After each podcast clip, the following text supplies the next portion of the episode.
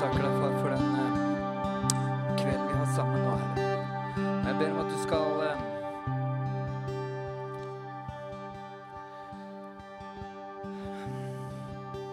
hjelpe meg og hjelpe oss som er her, til å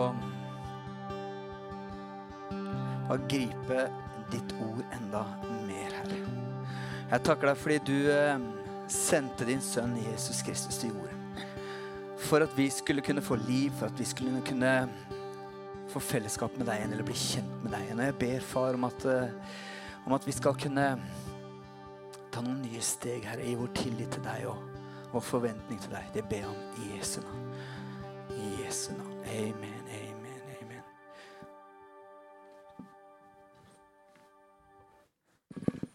Dere kan få lov til å sette dere ned. Eh, fint å se dere. Det er eh, fortsatt litt kaldt her, eller? Hva syns dere? Ja, det er rart med det. Vi, vi har hatt det bygget her noen år og har funnet ut at eh, vinteren er ikke noe god årstid for det bygget her.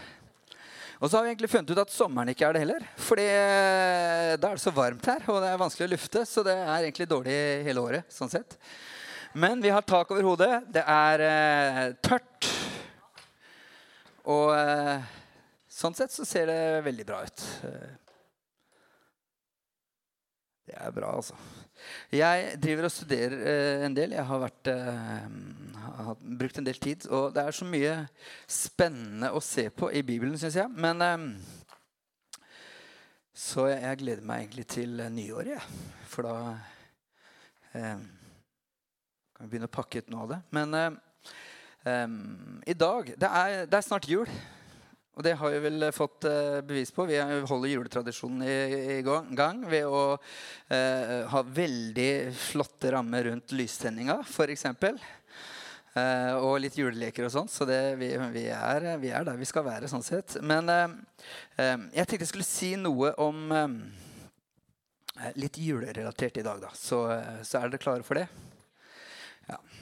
Det kommer til å bli litt annerledes. Er dere klare for det også? Jeg, den nerden i meg kommer fram i dag, bare sånn at dere vet det. Er, er dere klare for eh, en nerd? Så, eller nerd, så blir det bra. Ok. Eh, I Johannes 1, 14 så står det noe ganske fascinerende. Der står det Ordet ble Oi, ja. De gutta har levert i dag. Se på det bildet. Jeg spurte hadde det vært mulig å fått en sånn noe granbar eller noe greier i toppen. Liksom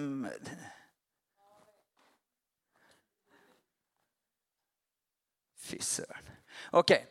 Ordet ble menneske og tok bolig iblant oss. Og vi så hans herlighet, en herlighet som en enbåren sønn har fra sin far, full av nåde og sannhet. Eh, det her er eh, eh, Johannes sin variant av juleevangeliet. Litt kortere, det er, men, men si, og det kommer ikke like tydelig fram omstendighetene rundt Jesu fødsel her. Eh, men i det verset her så ligger det at Jesus, eller Josef og Maria de reiste eh, til eh, Nasaret for å innskrives i ma- manntall. Og de kom fram dit, så skjønte de at oi, her er det ikke rom for oss. Det er ingen R&B, det er ingenting som vi kan være i her. Det er, det er fullt overalt. Så de endte opp i krybben og i stallen. Nei. Eh, de endte opp i stallen. Eh, Jesus eh, endte opp i krybben. Det er en detalj. Eh, viktig nyansering. Nyansering. Ok. Eh, og så er det hyrdene på, engle, på marken og englekoret osv. Og, så videre, og så har du de vise menn som kommer. Altså Alt det her på en måte, det er det de andre evangeliene beskriver. altså De ytre tinga, omstendighetene rundt Jesu fødsel. Men du kan si Johannes er litt annerledes enn de andre evangeliene. Det er, det er litt mer svevende, litt mer flytende. Det er litt mer ånd og vind og, og litt sånne ting. Så, så, så du kan si han, han er litt annerledes. Og det Johannes prøver å få fram eller prøver å beskrive i første, Johannes, eh, i første kapittel i Johannes, det er Hva er det som egentlig skjer den høytiden hvor Jesus ble født? Og det han begynner med der, I begynnelsen var ordet, ordet var hos Gud, og ordet var Gud. Og så kommer det her nedover hvor han sier at Ordet ble menneske og tok bolig blant oss, og vi så hans herlighet. En herlighet som den enbårne sønn har fra sin far, full av nåde og sannhet. Så du kan si Johannes-evangeliet har droppa de den litt koselige eh, eh, julehistorien som vi, vi, er vant til. Og så snakker de om at Gud ble menneske. Og jeg, jeg, skal ta opp et bilde, for Det jeg skal snakke litt om i dag, det er Bibelens troverdighet. Og Jeg skal få opp et bilde på skjermen her. Uh, jeg vet ikke om dere ser hva som skjer der. Men det, det til venstre der, det er meg. Og bare for å forklare saken. altså Jeg lå koronasjuk. Når jeg tok det bildet, så hadde jeg feber. Eh, og Derav bar overkropp, rett og slett. Men saken er at eh, fordi på VG, Det er fotball-VM, og, og, og, det er en sånn greie om at du kan, eh, du kan, du kan gå inn og så kan du finne ut hvilken fotballspiller du ligner mest på. Og jeg, jeg ligner da, altså mest på Salman al-Farja fra Saudi-Arabia. Så, så, du kan si, jeg, jeg, jeg, vet ikke hvem det er verst for, om det er han eller meg. Eller det er han det er verst for, da, selvfølgelig. Og det jeg lurer på, det er om han får en sånn eh, merke altså, Tenk om VG sender en liten hilsen til han altså, hvor de sier ok, det er flere treff på det her nå, og han her er en av de. Jeg lurer på hvordan han reagerte på det greiene der. Det har vært ganske deprimerende, vil jeg tro. Fordi jeg ligger sjuk, og det er han jeg ligner mest på. Theodor, sønnen min, han ble Jack Grealish. Altså, han var litt mer eh, heldig med Eller uh, unnskyld. Jack Grealish var litt heldigere enn det Salmon eller Farah var, for å si det sånn. Og jeg har prøvd å finne, uh, finne men, men Etterpå har jeg prøvd å finne den søkemotoren igjen, men den er tatt vekk. Og jeg tror det har noe med troverdigheten å gjøre. Den, den funker ikke helt sånn som den skulle. Og sånn er det med, eh, Ikke sånn er det ikke med Bibelen, men det vi skal snakke om, altså spørsmålet er er Bibelen det vi tenker at den skal være.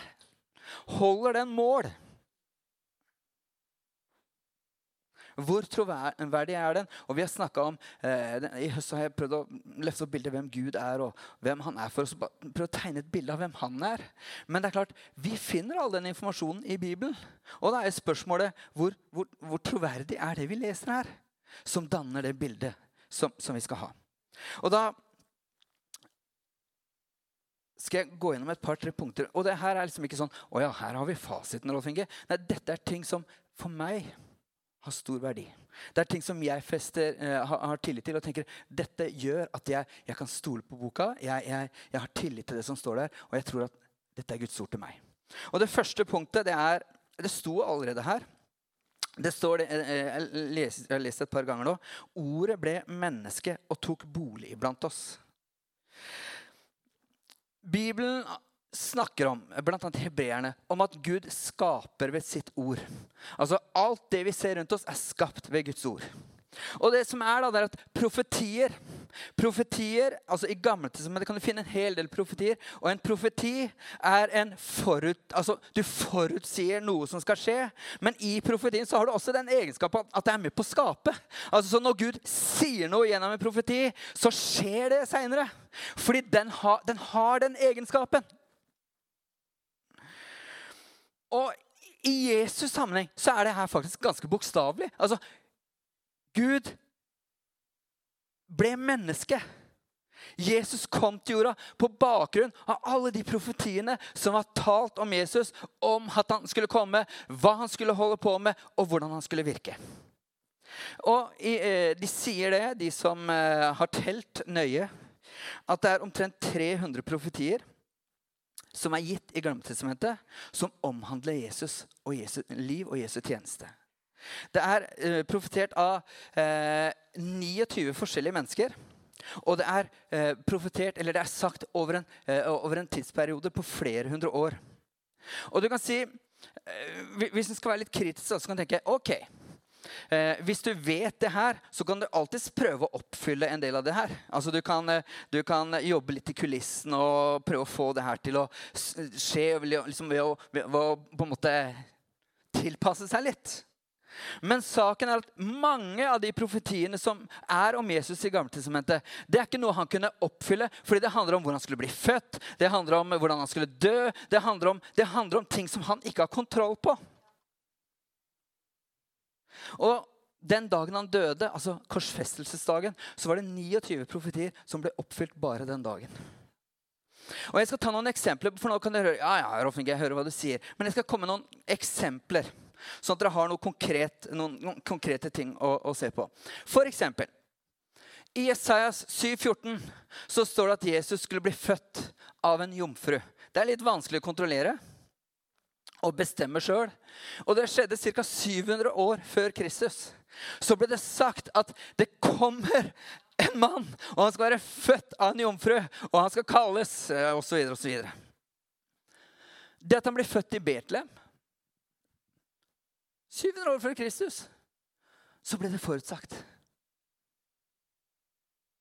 At stjernen skulle vise vei. Du kan lese om det i 4. Mosebok 24, 17. 1400 år før Kristus. Vismennene som skulle komme fra øst, altså Det er en vits på det. Og siden, uh, siden, uh, siden uh, Judy har annonsert sin svenske her, så vet du hvorfor ikke Jesus kunne bli født i Norge? For det kom tre vismenn fra øst. Det tar litt tid, så synker den inn. Så det er OK. Videre. Men det, det, det var i hvert fall forutsagt. Flukten fra Egypt. Hosea 11,1.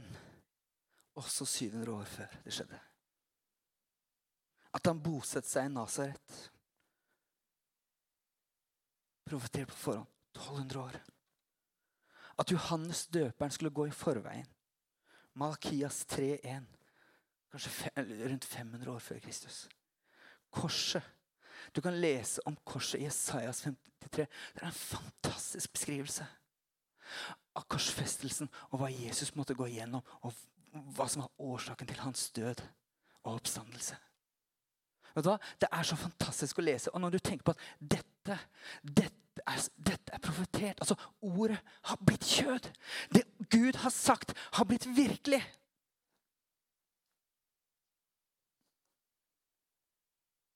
Det her er et julemirakel. Vanvittig julemirakel. Hvis du ser en sånn såpefilm om eh, jula, så er det alltid et julemirakel inne i bildet. Vet du hva? Det her er julemiraklet. At Jesus ble født. Han kom til jorda sånn som Gud hadde forutsatt. Jeg, eh, dere får ta det som det er, men jeg syns det er litt morsomt, da. Hvis du sier at sjansen for at en av de profetiene skulle bli oppfylt, er 50% Er dere med?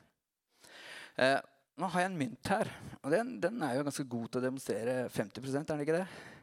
For hvis jeg sier eh, jeg skal ha kron, da Og da er det 50% sjanse for at den lander på kron, er det ikke det? Søren. Den ble vanskelig. Prøver igjen. Det er 50% for at den lander på kron.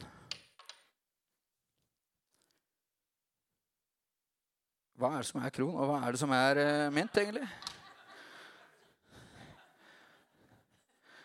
Ok, men dere skjønner poenget.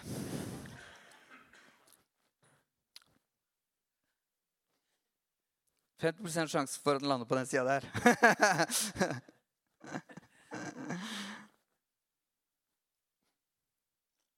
Og det er, det er ganske, Da er du sjenerøs. Det er jo veldig veldig sjenerøst å si at det er 50% sjanse.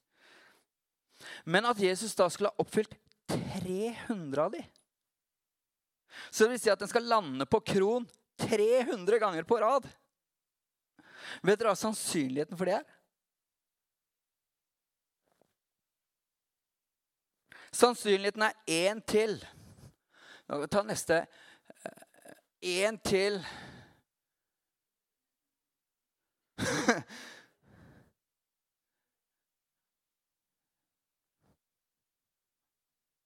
Jeg er litt usikker på om jeg har glemt noen tall. Men akkurat det har ingen betydning. For det er så mange tall der.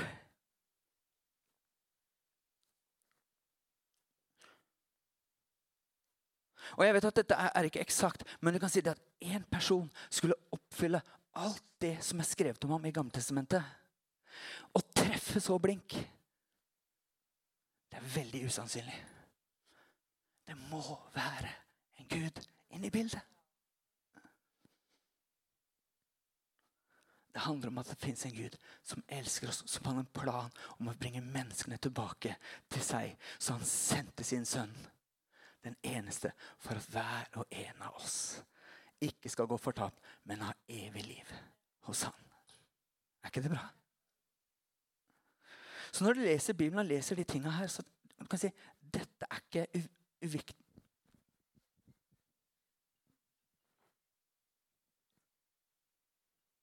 Jeg tror det er telefon til deg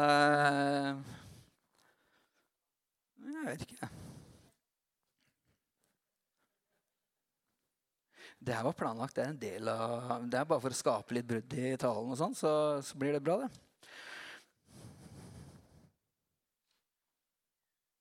Snakk om julemirakel.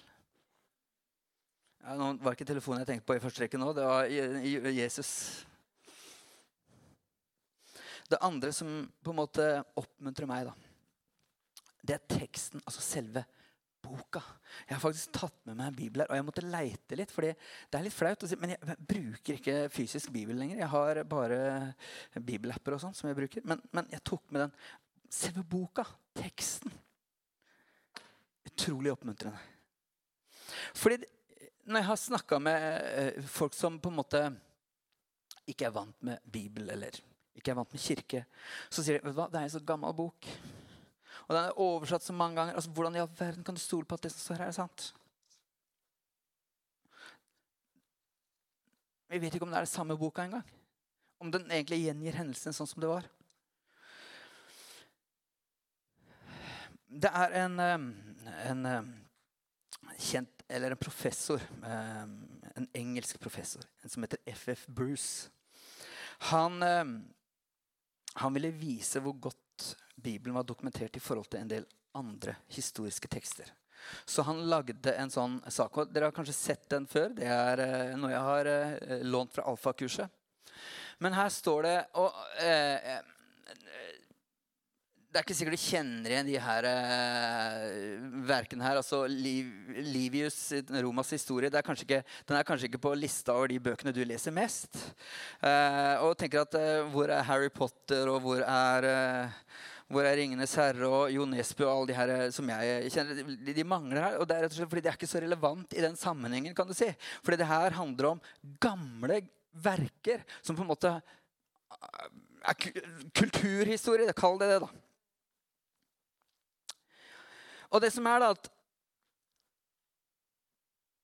um, ta, tak, Takitus uh, sin uh, gallerkrig uh, er, er, ble skrevet, mener de, rundt 58, til, tidsrommet 58 til 50 før Kristus.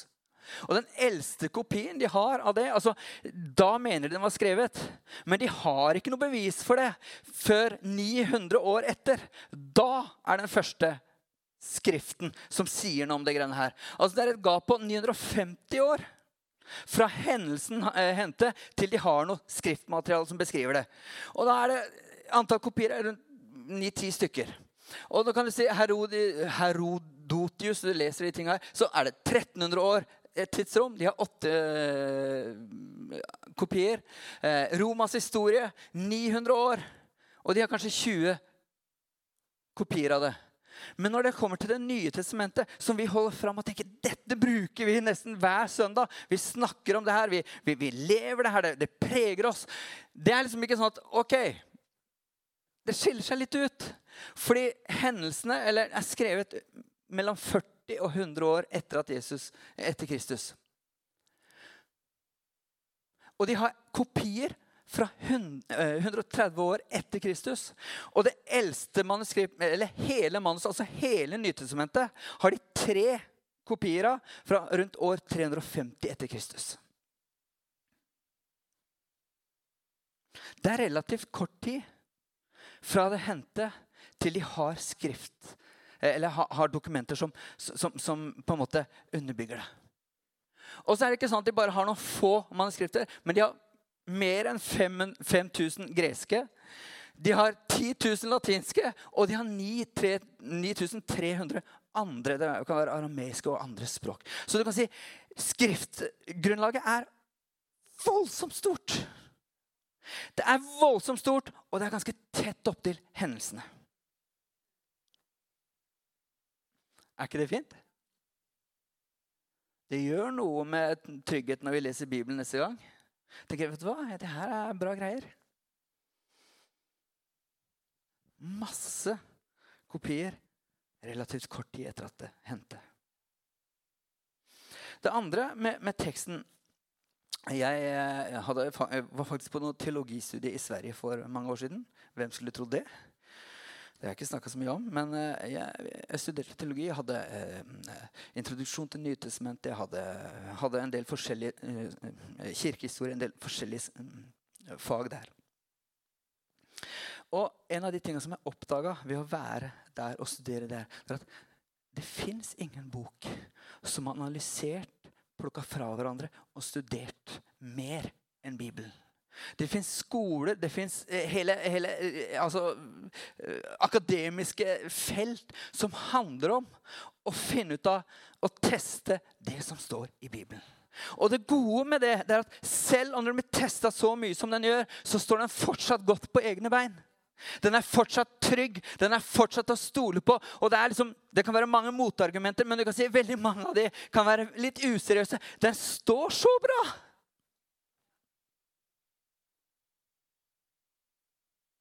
Og du kan si En av de tingene vi gjorde, var å gå de tingene i sømmene. Og det var, det var, så spennende å se hvordan det holdt, og hvordan, hvordan, kulturforståelse, hvordan kirkehistorie Hvordan alt det her på en måte bygde opp under at dette kan jeg stole på. Og du kan si En av de tingene som sier ja, men dette har skjedd for så lenge siden, og vi vet ikke om du kan stole på om det her er sant. Jeg, tror, jeg har et inntrykk av at vi tenker at Bibelen har blitt til ved hviskeleken. Altså, Noen forteller det, og så hvisker noen andre til. Og så, og så har du den ringen, og så, og så, kommer det ut som noe helt annet i andre enden. Men saken er at, at tradisjonen den gangen vi, vi, vi, kan undervurdere hvor nøye de var. Fordi i den jødiske tradisjonen så var det pinlig nøyaktig hvordan den muntlige tradisjonen, hvordan de overførte kunnskapen til neste generasjon. De tok ikke lett på det. De pugga det, og de gjenga det ordrett. Og de kompierte så nøye, og de la all sin ære i at dette skulle foregå på en god måte. Og når de ser i etterkant på, på et dokument som er eh, datert liksom 130 etter Jesus, og så finner de et som er datert 400 år etter Jesus, så ser de at det er så små forskjeller. Det er, så, det er nyanseforskjeller. Meningsforskjeller er det ikke, men det kan være kommafeil og det kan være skrivefeil. Fordi dette er gjort så nøye. Jeg skulle gjerne gått inn på kirkemøtet i Nikea og, og, sagt noe om det, men det, det har jeg ikke tid til. Men jeg skal ha ett eksempel. Fordi i 1947 så det et, var det et stort funn som ble gjort i Israel. Og de kaller det Dødehavsrullene. Er det interessant, de greiene her? Hvis du sovner, så går du glipp av crescendo her. Også, så eh, det er synd for deg. Neida. Men i 1947 så, så ble det funnet eh, noe de kaller Dødehavsrullene. Og da var det en ung gutt, en gjeter, som tusla rundt omkring. Og så fant noen krukker eller en hule med noen bokruller i.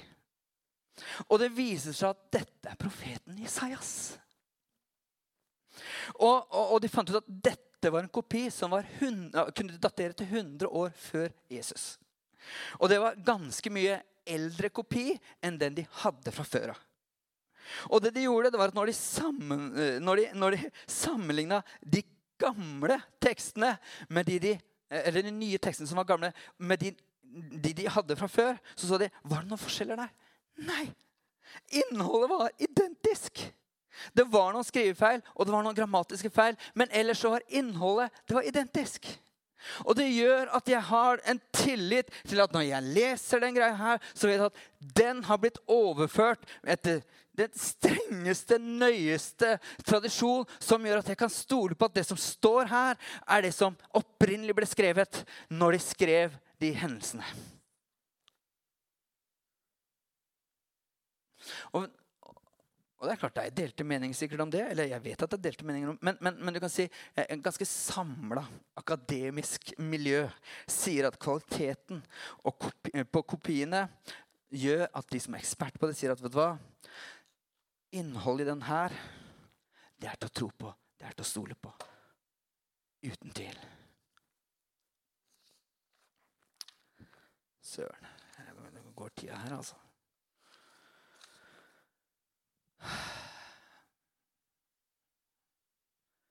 Hvorfor snakker du om det her? Vet du hva? Det her er et julemirakel.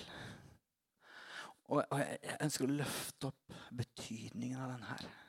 At ikke vi mister betydningen av den. Altså Podkaster er bra, men ingenting kan erstatte den her. Andagsbøker er kult, men det kan ikke erstatte den her.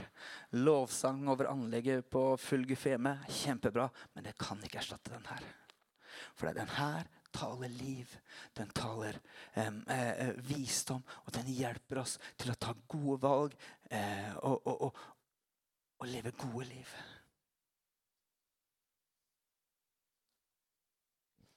Orker dere litt til? Det er jul, vet du, så dere har masse tid. Vi har jo vaska gulvet nå, og alt er klart, liksom. Jeg skal ikke holde på så mye lenger. Det tredje jeg har lyst til å si noe om, det er innholdet. For det er ikke til å stikke under stol. Altså, jo, greit, vi kan stole på at den her er troverdig. da. Det er kjempefint. Men innholdet er jo mer spektakulært enn uh, Asbjørnsen og Moe. Nei, eller det er også ganske spektakulært. Uh, Uh, ja, veldig mye altså, men, men det, er noe, det, er noe, forpliktende, det er noe, det er noe, det er noe heftig med det. Da, altså, det handler ikke om julekosen og nisser og uh, pynt på trærne. Det handler om at Gud sendte Jesus til jorda for å frelse den. Så du kan si innholdet på en måte har en sånn mye større verdi. da.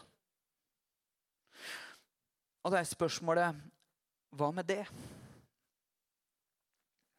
Og da kan jeg si det sånn at Undervisningen som Jesus kom med, den er anerkjent av folk fra alle mulige miljøer som noe av den største og beste og viktigste vi har. Og Jesus blir anerkjent som en av de største lærerne noensinne. Og jeg vil jo si at han er den største. Og det har noe med at verdiene som han kom med, de, de, den læren som han presenterte for oss, den har vært så viktig, og den var så revolusjonerende den gangen. Og den er like revolusjonerende øh, nå i dag. Når han sier at mennesket er viktig. Mennesket er øh, krona i skapverket. Vi, vi, vi, skal, vi, skal, verne om øh, mennesket. Vi skal, skal, verne om livet. Vi, skal elske hverandre. Altså, det er så mange altså, Jeg vet ikke hvordan det er nå, men så mange jeg har snakka med, som sier at vet du, ja, jeg, jeg, er ikke så eh, interessert i det med Gud, men, men, men, men det å elske sin neste, den holder jeg fast ved. Kardemommeloven. liksom, Bare være god og snill mot andre. Så du kan si det har prega oss, og det har vært så viktig. Det med tilgivelse, det med nåde, det med, det med måten vi om, eh, er sammen og, og Det har prega så mye. Jeg vil påstå at undervisningen Jesus kom med, er grunnlaget for vår vestlige sivilisasjon. Lovene våre er bygd på det. Eh, eh, eh, samfunnet, skolesystem det, det, det, det, hviler på den undervisningen Jesus hadde. Så det kom en fun fact som ikke står i, manus, i manuset mitt. Hvis jeg rekker det, eller? Jeg rekker det. Jeg tror Kirkens betydning pga. at vi har tatt Bibelen på alvor, har hatt enorm effekt for det samfunnet som vi er en del av. Vet du hva Jeg sjekka her om dagen, for jeg, jeg snakka om Herren din lege for en stund siden. Og jeg vet at det er, det er utfordrende, et utfordrende tema. Men så, så sjekka jeg det her så tenkte jeg hm, det her er interessant. Fordi Hvis han eh, presenterer seg som lege, og så tenkte jeg, hva er legekodeksen? Jeg vet at Som en lege så, så forplikter du deg til eh, å, på en måte å, å, holde en kodeks når du er ferdig og uteksaminert. Hvordan ser den ut? Og så fant jeg ut at det var en greker som het eh, Jeg har glemt navnet. Hva heter han? Hippokrates, som, som, kom med den rundt 400 år før Kristus. Jeg, jeg tenkte søren heller, den er ikke kristen. Men den, den, den, eh, så jeg leste den. Men, men så tenkte jeg, jeg sø, når jeg søkte opp hvem, hvor den kom, kom ifra, så så jeg det, På Store norske leksikon så er det ett bilde av hvordan den kodeksen ser ut. Og vet du, det, det, det sjokkerer når jeg så det. var sånn fun, det var, det var, det var uh, brain freeze, eller hva du skal kalle det for min del. Den var skrevet på et kors. Så fra 1100-tallet så har de skrevet ned kodeksen av hvordan legene skal hjelpe og være til støtte for mennesker. Den sto på et kors, og det sa meg en ting.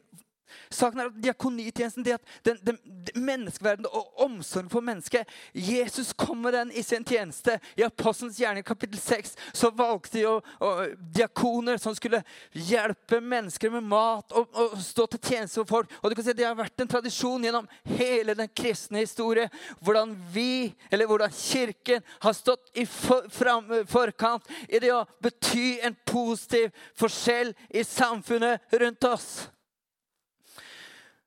Det var ikke samfunn som var oppdaterte eller organiserte til å gjøre det. Det var kirken som tok det.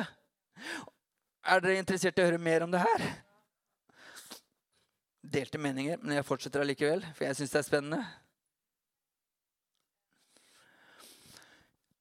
Jeg tenkte, Hvor kommer, syke, hvor, hvor kommer sykepleierutdannelsen fra? Jeg, for jeg sjekka opp hvilke sykehus har vi. Vet du at sy, Den som har æren eller ble tilegna æren for å ha starta sykepleierutdannelsen i Norge. Vet du hvem det er?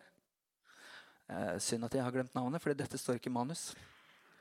Men det var en prestedatter, en menighetssøster som hadde en brann etter å hjelpe de som var nødlidende i samfunnet, og hjelpe de som, som ikke eh, eh, Som hadde det vondt, og ha omsorg for syke. Og hun starta Diakonhjemmet, som fins i Oslo. Der er eh, opphavet til den norske sykepleierutdannelsen. Jeg tenker, Hvilken arv er det vi har å, å, å hvile oss på? Og ingenting av det her tror jeg hadde skjedd. Det er drøyt å si kanskje, men, men, dette kommer ifra at Jesus kom til jorda. Fordi han brydde seg om mennesker, og han ville nå ut til de som var svake. Han ville nå ut til alle mennesker. Fordi hans måte å se på mennesker på ville bringe forandring. Gir det mening?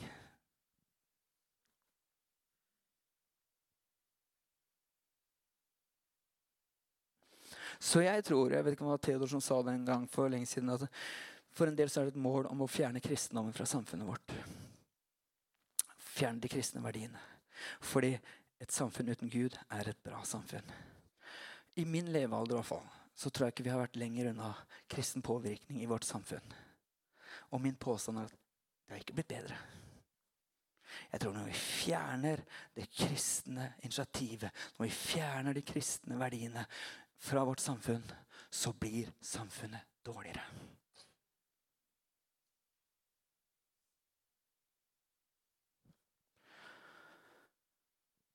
Det var deilig å få satt ord på de tingene her. Altså. Fy søren. Jeg er så stolt av Jesus. Eh, jeg er så glad for den her. Og jeg er så glad for at han kom og viste oss en annen vei. Altså Hvis du leser historien altså Gamle folk Bibelen tok vare på enkene. De, de, de, skulle ha, ha, omsorg for dem. Mens her oppe så sendte vi det av gårde på isflak når det ikke var til nytte lenger. Så det er klart da, Når familien din, de yngre mm, søsknene dine, eller, de yngre, eller når barna dine begynner å hogge litt i isen, og sånt, så er det klart, da får du kalde føtter. Du vet hva som skal skje, liksom. Nok om det.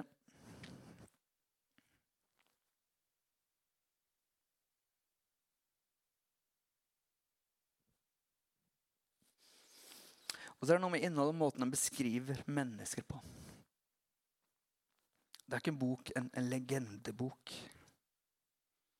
De er ikke helgener. De er ikke, de er ikke levende legender, u, uangripelige mennesker. Men det er en ærlig beskrivelse av menneskers liv og historier. De beskriver feil, tvil, seire. Det er ingen glansbilder. Og du kan si den er skrevet så lenge siden, og fortsatt så er historiene relaterbare for oss i dag. Når jeg leser om disiplene, så blir jeg oppmuntra. For jeg ser de er noen idioter.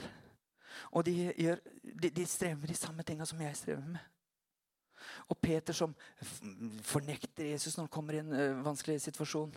Uh, når, de, når de, liksom, uh, de, de, er litt usikre på konkurrerende virksomheter. Det, det, de er liksom, det, er hele spekteret av utfordringer og tvil og menneskelige på en måte konflikter. Det ligger der. Paulus, min store helt, blir ikke beskrevet som en utelukkende seierherre. Du har hans store utfordringer, du har hans mangler, du har hans eh, konflikt med Barnabas som en eh, medarbeider. Altså, Det er så mange ting. Og det gjør at jeg tenker, vet du hva? Dette er ikke skrevet for å imponere, men dette er skrevet fordi dette er det som faktisk hendte. Og det er skrevet for at vi kan lære av det, for at vi kan bli oppmuntra av det, for at vi kan bli bedre av det.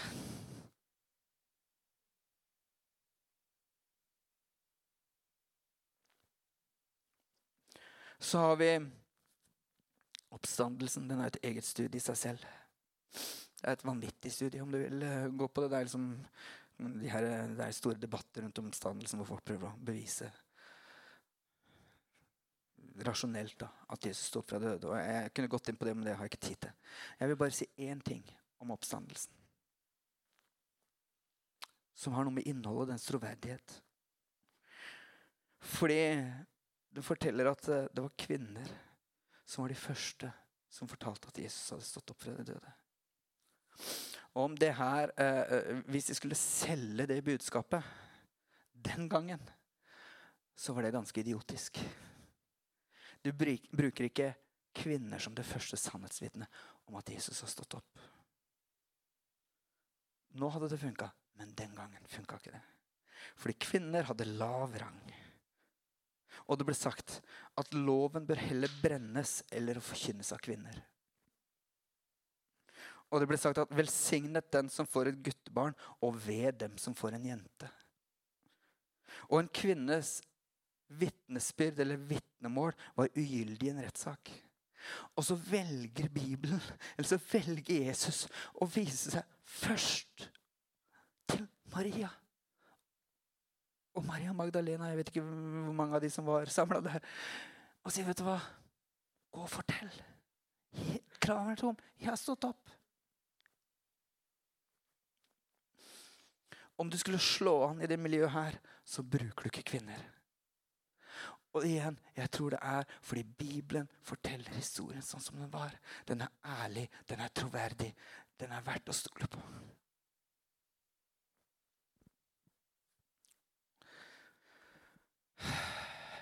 Kanskje dere skal komme opp og synge meg ned fra de greiene her, eller gjøre et eller annet. For jeg har flere punkter som er ganske spennende. Ja, gjør et eller annet. Bare, det jeg tror det må komme, rett og slett. Jeg, vi bare sier det sånn. Kan ikke, bare, kan ikke dere bare komme? Få meg ned herfra. Ja, ja, ja, Så hvis dere, dere, kan godt reise dere og sette dere og bevege dere og gjøre noen sånne bevegelser. Det er ganske kult, det. altså. Nei, jeg, jeg, jeg, jeg, kan, Sorry, jeg bare spøker. Men det er én ting til jeg har lyst til å si. Jeg kunne sagt noe om eh, ja, jeg, Nå jeg roter jeg meg bort her, altså. Søren heller. Men det neste etter oppstandelsen, det er at den umiddelbare effekten av at Jesus sto opp fra de døde, var ikke at disiplene gikk under jorda og ble borte og aldri sett igjen. Men det var en eksplosiv vekst. Pinsedag, 50 dager etter påske, 3000 ble døpt og kom til tro. Og de sier det at år 100 etter Kristus så var det kanskje 20 000 troende. I år 310 så var det snakk om millioner av troende. Og alt det her skjedde under sterk motstand. I hemmelighet. Og mange av de, kanskje de fleste, i hvert fall de vi kjenner i Bibelen, måtte dø for det de trodde på. Men på tross omstendighetene så økte det her, og det vokste som ild i tørt gress.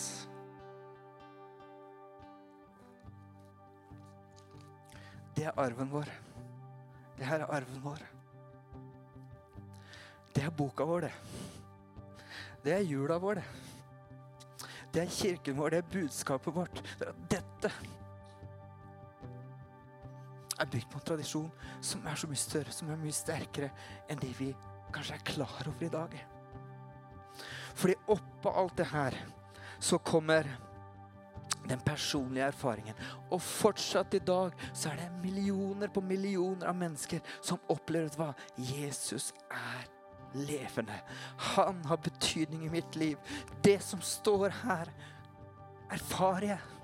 Jeg erfarer at han hører når jeg ber. Jeg erfarer at han er der. Han, han kommer Altså, rom, det, det skjer noe i rommet. Så jeg merker at det er noe mer. Den indre stemmen som leder oss, og som gir oss veiledning til hva vi bør gjøre, hva vi bør si, hvilke beslutninger vi kan ta. Alt det her på en måte er med på å bekrefte at det som står her, er sant. Og nå sier ikke at alle opplever det hele tida, og det er liksom bare fluss av det. Nei, vi er kanskje i en tid hvor, hvor vi opplever mindre av det nå enn tidligere, men allikevel, det er der. Det er der konkrete bønnesvar. Og hvis jeg hadde gått gjennom lista mi over alt jeg har opplevd og erfart gjennom livet altså, Det er fryktelig vanskelig for meg å bortforklare. Men det er også vanskelig å forklare det. Fordi det må erfares. Så jeg skal lese et siste vers. Søren. I 2. Timoteus 3, 15-17 så står det Helt fra du var et lite barn, har du kjent de hellige skriftene. De som kan gi deg visdom til frelse ved troen på Jesus Kristus, eller Kristus Jesus. Og hver bok i Skriften er innblåst av Gud og nyttig til opplæring, tilrettevisning, veiledning, oppdragelse rettferdighet. Så det mennesket som tilhører Gud, kan være fullt utrustet til all god gjerning. Jeg tenkte egentlig at det kunne være et julebudskap fra meg til deg. Det er ikke så mye julekuler og nisser og røde neser og Rudolfer i det greiene her, kanskje, men, men det er det her jula handler om. Jesus kom ned. Og vi har fått denne boka som kan hjelpe oss. Gi oss tro på Jesus, og gi oss visdom, eller klokskap til å leve livene våre. At det kan lære oss opp, veilede oss, sånn at vi kan være fullt utrustet. Satt i stand til all god gjerning, sånn at det skal prege livene våre, forandre livene våre. Sånn at det ikke bare har en betydning for deg og oss her inne, men at mennesker rundt skal få merke det fins en Gud i himmelen. Det fins en frelser. Jesus er her. Han er nær. Han er ekte. Han er virkelig. Og han kom for din og min skyld. Jeg takker deg, far, for din godhet. Jeg takker deg, far, for din trofasthet. Jeg takker deg for din nåde. Og jeg takker deg for det du har gitt oss ditt ord her. Du har gitt oss Jesus, som ble menneske. Og vist oss hvem du er. Jeg takker deg for den høytiden vi skal inn i, og jeg ber om at du skal hjelpe oss å ha blikket festa på deg også i den perioden som ligger foran. At vi kan nyte livet. som Julekaker og julemiddager og pakker og alt, og familieliv og alt. Men, men jeg ber om at en tid hvor, hvor du skal være midt i det. Og at ditt ord og din at, at du blir holdt høyt og æret i alt det vi gjør. Jeg takker deg for det, Jesus. Jeg ærer deg.